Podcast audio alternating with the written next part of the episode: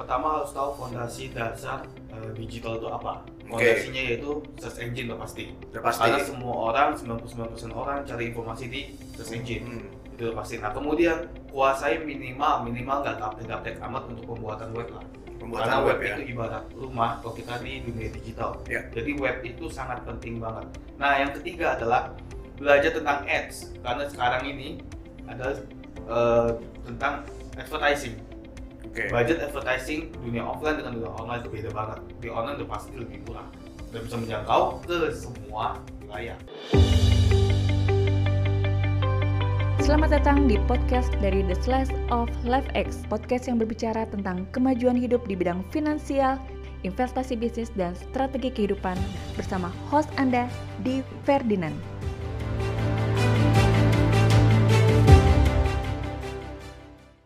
Hari ini saya bersama salah satu coach yang akan banyak bicara tentang digital dan dunia digital marketing atau dulu sempat disebut internet marketing. Beliau sudah hampir puluhan tahun, mungkin belasan tahun ya, eh, berkecimpung di dunia ini. Nah, hari ini kita ada namanya Coach AWK atau Andika Wijaya Kurniawan. Halo Coach AWK. Halo. Halo, apa kabar bro? Kabar baik. Ya, udah lama banget ya nggak Iya. ketemu ya. Banget. Ya hari ini saya memang uh, spontan invite dia tiba-tiba dia kaget gitu ya. Jadi Culik.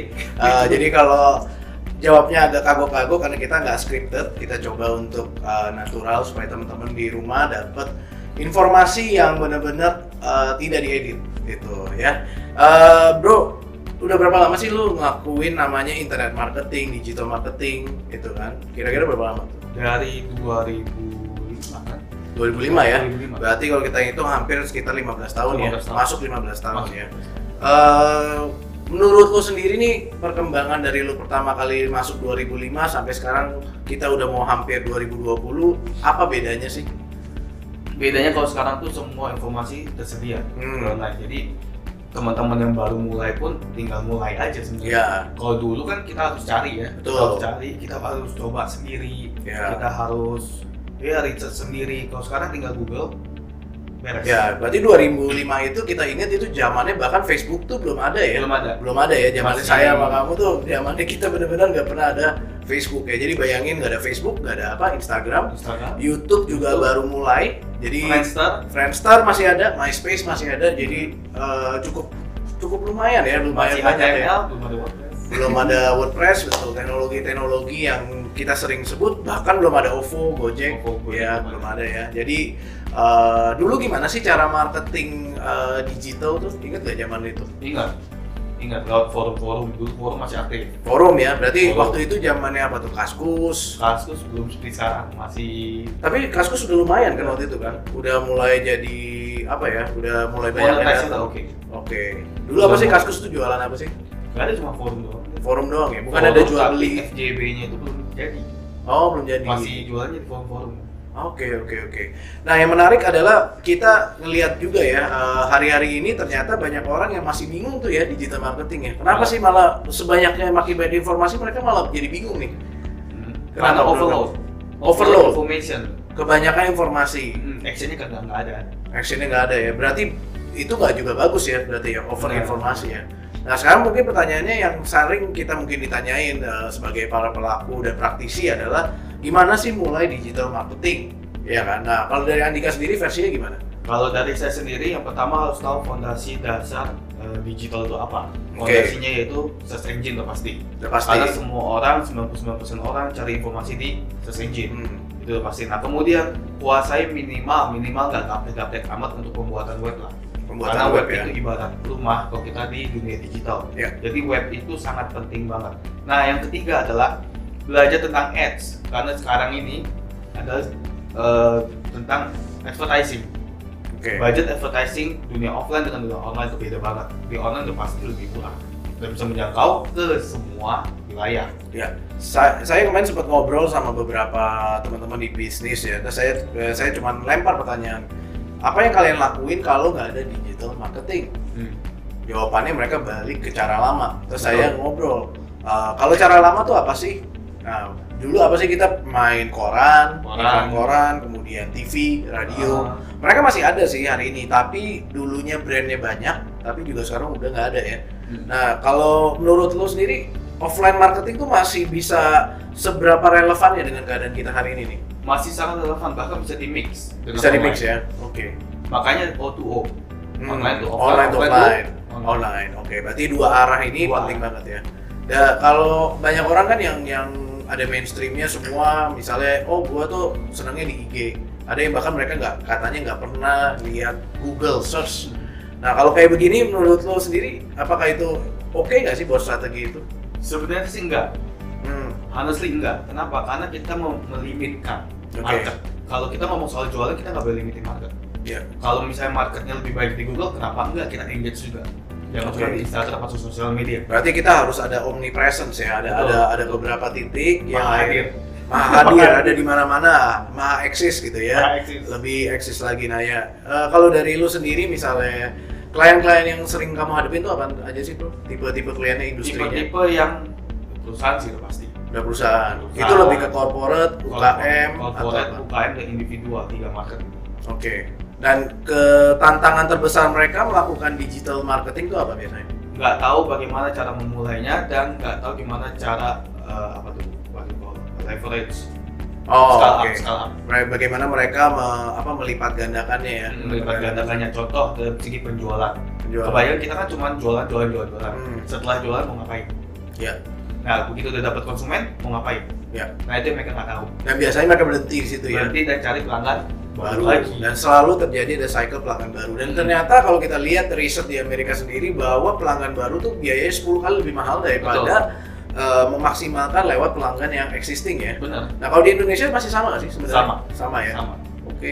Nah, dengan adanya dulu kan orang suka bilang, oh gue bikin website, orang di drive ke website. Sekarang orang ada marketplace, uh, mereka lebih percaya marketplace. Kalau menurut sendiri, apakah strategi marketplace itu bisa digunakan untuk naikin omset? Itu udah pasti kan. Hmm. Nah, tapi uh, mana yang lebih efektif sih? Marketplace atau misalnya uh, buka website sendiri, jualan uh, secara e-commerce? Kalau misalnya secara pribadi, saya bilangnya lebih baik buka web sendiri udah pasti. Udah pasti Jadi ya. mendrive semua traffic dari marketplace ke web pribadi itu Hmm. lebih lebih kita bisa mengengage database kita sendiri. Oke. Nah kalau secara biasanya kan kalau di marketplace nih kita ada selalu uh, stigma yaitu perang harga. Harga. Nah kenapa sih bisa terjadi ini? Coba kalau dari versinya lu gimana nih menurut lo? Kalau kalau versi gue sih gampangnya gini. Kalau kita misalnya ke Mangga Dua deh, Hmm. sebutin ya apa apa ya Mangga Dua. Mangga Dua kan begitu banyak ya penjual-penjual ya. Udah pasti mereka pengen terjadi penjualan. Jualan. Ya dong. Nah, salah satu cara biar terjadi penjualan adalah umumnya di mindsetnya adalah turunin Harga. harga Ya. supaya terjadi Supaya dia langsung beli di si toko itu Oh, ya nggak nggak pergi yang Nah, sampingnya. Nah, sekarang kita ubah mindsetnya. Gimana kalau kita naikin harga kasih value? Oke kasih value. Nah itu yang nggak bisa di marketplace. Karena goal mereka adalah saingan harga itu yang terjadi. Hmm. Karena out- mindsetnya adalah mindset mangga dua, mindset Oke. pasar. Tapi kalau misalnya kita punya web sendiri, semua bisa kita lakukan. Bahkan kita bisa kasih value lah, pengiriman tercepat lah, apa pun. Hmm. Ya jadi bicara tentang marketplace yang ada sekarang kan ada apa aja tuh? Ternyata sekarang ada Shopee, ada Tokopedia, ada Bukalapak. mungkin Nah, nah, pasti ada pertanyaan nih mana mana sih yang lebih bagus Tokopedia kah, Bukalapak, uh, OLX mana yang harus mereka masuk dulu? Nah, Tokopedia, Bukalapak atau marketplace itu kan cuma media nih. Hmm. Mau masuk di mana aja sama aja. Oke. Karena itu cuma media di mana untuk nampung barang kita Hmm. dan untuk nampung konsumen kita. Media tercepat untuk dapetin duit. Oke, tapi kan di contoh OLX ya, itu kan banyak barang-barang bekas kan. Ya. Kalau mereka nggak mau jual barang bekas, barang baru masuk ke OLX apa bukannya jadi masalah? Atau Enggak. misalnya kebalik, misalnya eh, dari dia barang eh, bekas masuk ke Tokopedia gitu. Nah sekarang sama aja di, Hmm. sama aja OLX jual barang bekas di Tokopedia pun ada barang bekas. Barang bekas. Di Shopee, Shopee pun ada barang bekas. Nah kalau lihat sendiri tuh barang bekas sendiri eh, marketnya banyak nggak sih? Banyak. Banyak banget ya Banyak. second hand goods ya. Hmm. Bahkan ada istilah garage sales. Garage sale istilahnya. Oh, berarti harganya juga fungsinya masih bagus tapi eh, paling 95% gitu-gitu ya. Oke, interesting banget. Nah, da- dari lu sendiri nih, eh, kalau lu misalnya pertanyaan yang biasanya gue suka tanya nih, kalau misalnya lu tiba-tiba lu kehilangan semuanya, Ya. strategi apa yang lu mau bangun dengan diri lu supaya bisa mulai income lagi gitu, mulai naikin income? Kalau gue, gue tetap back lagi ke basic yaitu start di mana gue belajar digital.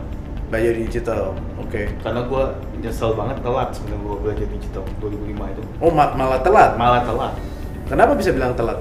Bukannya saat itu masih early, banyak orang yang generasi Z aja belum ada tuh. Yes, tapi waktu waktu gue searching di online, ternyata orang luar sana itu udah mulai duluan dibandingin kita.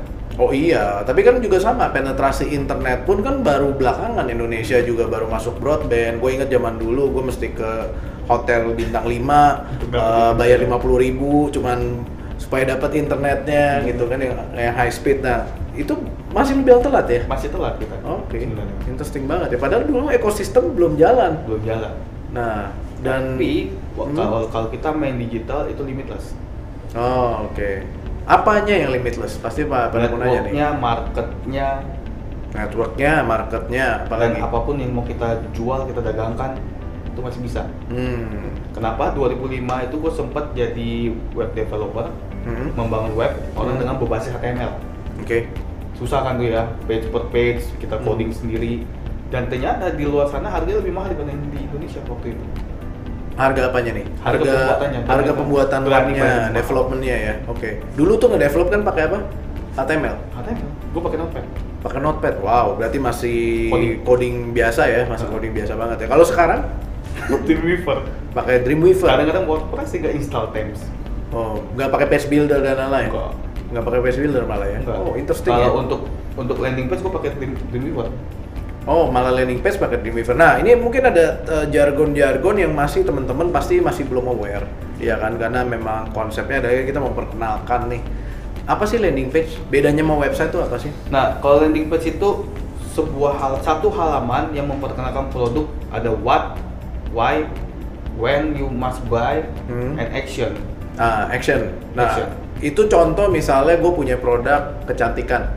Misalnya ya pemutih muka lah gitu Hmm. ya. Gimana gue menyusun uh, kontennya, strateginya tuh supaya landing page tuh masuknya di mana? Di website atau di mana? Nah, contoh kalau misalnya kita jual kecantikan tadi lu bilang, landing page itu kelemahannya nggak bisa semua produk, bro.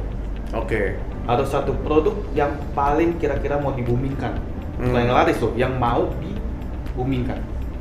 Kita susun copywritingnya, headline-nya, Oke. kata apa headline tahu lah ya teman-teman yang lain pasti tahu lah ya. Tajuk ya, tajuk, ya. tajuk. Oke. bahasanya tajuk Tajuk oh, tajuk oke kemudian memperkenalkan ada foto produk yang mau dibumingkan Hmm. kenapa mereka harus beli market itu kelebihannya apa dan kemudian ada ada timer runningnya apa tuh kalau misalnya bahasa tuh ayo cepetan Countdown gitu countdownnya ya. Kemudian baru action untuk beli Oke. nah setelah itu enaknya landing page di halaman berikutnya yaitu thank you Thank you. Berarti sudah melakukan Sudah pembelian ya. pembayaran. Oke. Eh, nanti teknisnya kita akan bicara, tapi itu adalah gambaran bahwa ternyata landing Yes. page adalah sebuah we- sebuah satu halaman website yang memang isinya lebih spesifik, Spesifik. Yang memang tujuannya adalah punya satu apa call to action kita sebutnya ya. Betul, Artinya betul. call to actionnya biarpun itu mau register, mau sign up, ataupun mungkin yang lebih beli langsung ya, Iya. atau waiting list pre-order biasanya sering menggunakan Betul. konsep ini ya. betul Oke. Nah, di tadi kan lu bilang kalau lu misalnya riset ulang lu mau belajar lagi digital marketing dan lu bilang eh, terlambat waktu itu lu Iya. belajarnya. Nah, sekarang kira-kira strategi lu misalnya tantangannya lu, lu perlu mencari 100 juta pertama lu Iya. atau satu miliar deh. Mana yang lu lebih tertarik sih bikin targetnya? 100 juta atau Satu miliar. satu miliar Satu miliar. Dalam berapa lama kira-kira lu bisa achieve itu? kalau misalnya gue kilas balik gue kalau bisa main di online gitu ya zaman dulu tuh kalau satu miliar easy man Very easy. very easy Oke.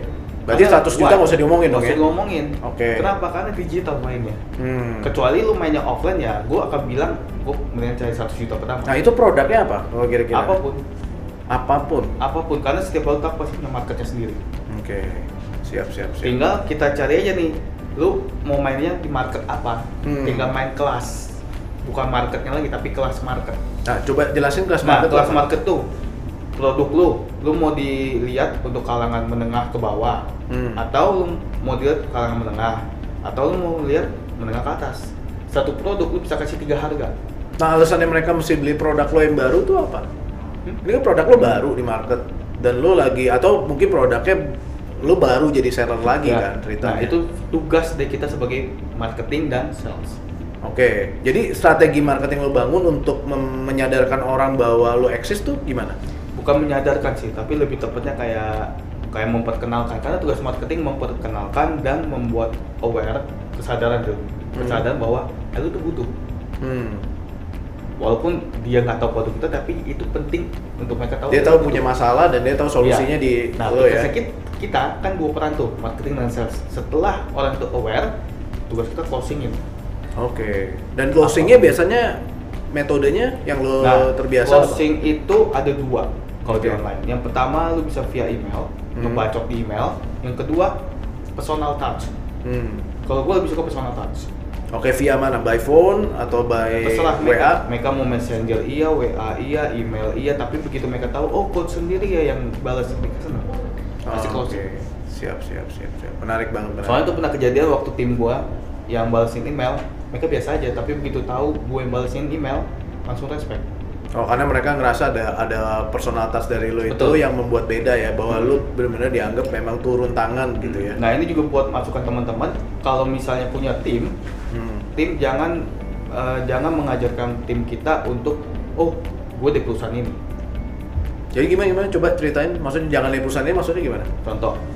gue ngajarin ke tim gue adalah kalau misalnya ada orang nyari coach Andika Wijaya, lu representasi gue. Oh, Oke, jadi dia kayak perpanjangan tangannya lo Iya. gitu. Oke. Betul, coach Andika lagi sibuk misalnya gitu ya. Hmm.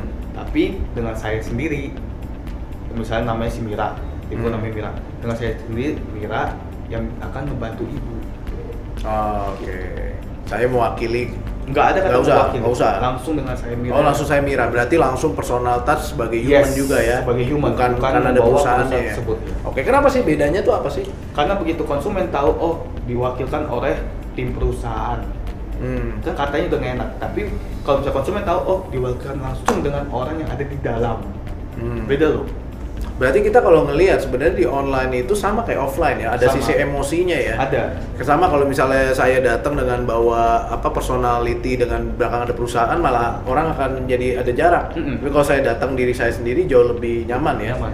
Oke, berarti kita lihat bahwa ternyata nggak jauh beda bahwa di dalam closingnya sendiri tetap ada sisi emosi. dan gue pernah ngetes waktu gue datang sendirian dan tim gue gue ngomongnya kayak sekretaris lah ibarat sekretaris gitu datang ke Starbucks waktu itu itu beda dengan waktu gue datang berdua dengan sekretaris Oke, oke, menarik, menarik, menarik banget ya. Jadi, jadi buat teman-teman yang tadi mau tanya, tetap harus ada personal touch ya, dan juga soal produk harus dipilih produk yang ada strata kelasnya ya. Betul. Oke, nah kita udah mulai, uh, kayaknya hari ini itu dulu. Nanti Ya. kita akan kedatangan tamu nih, uh, seorang ibu-ibu uh, milenial.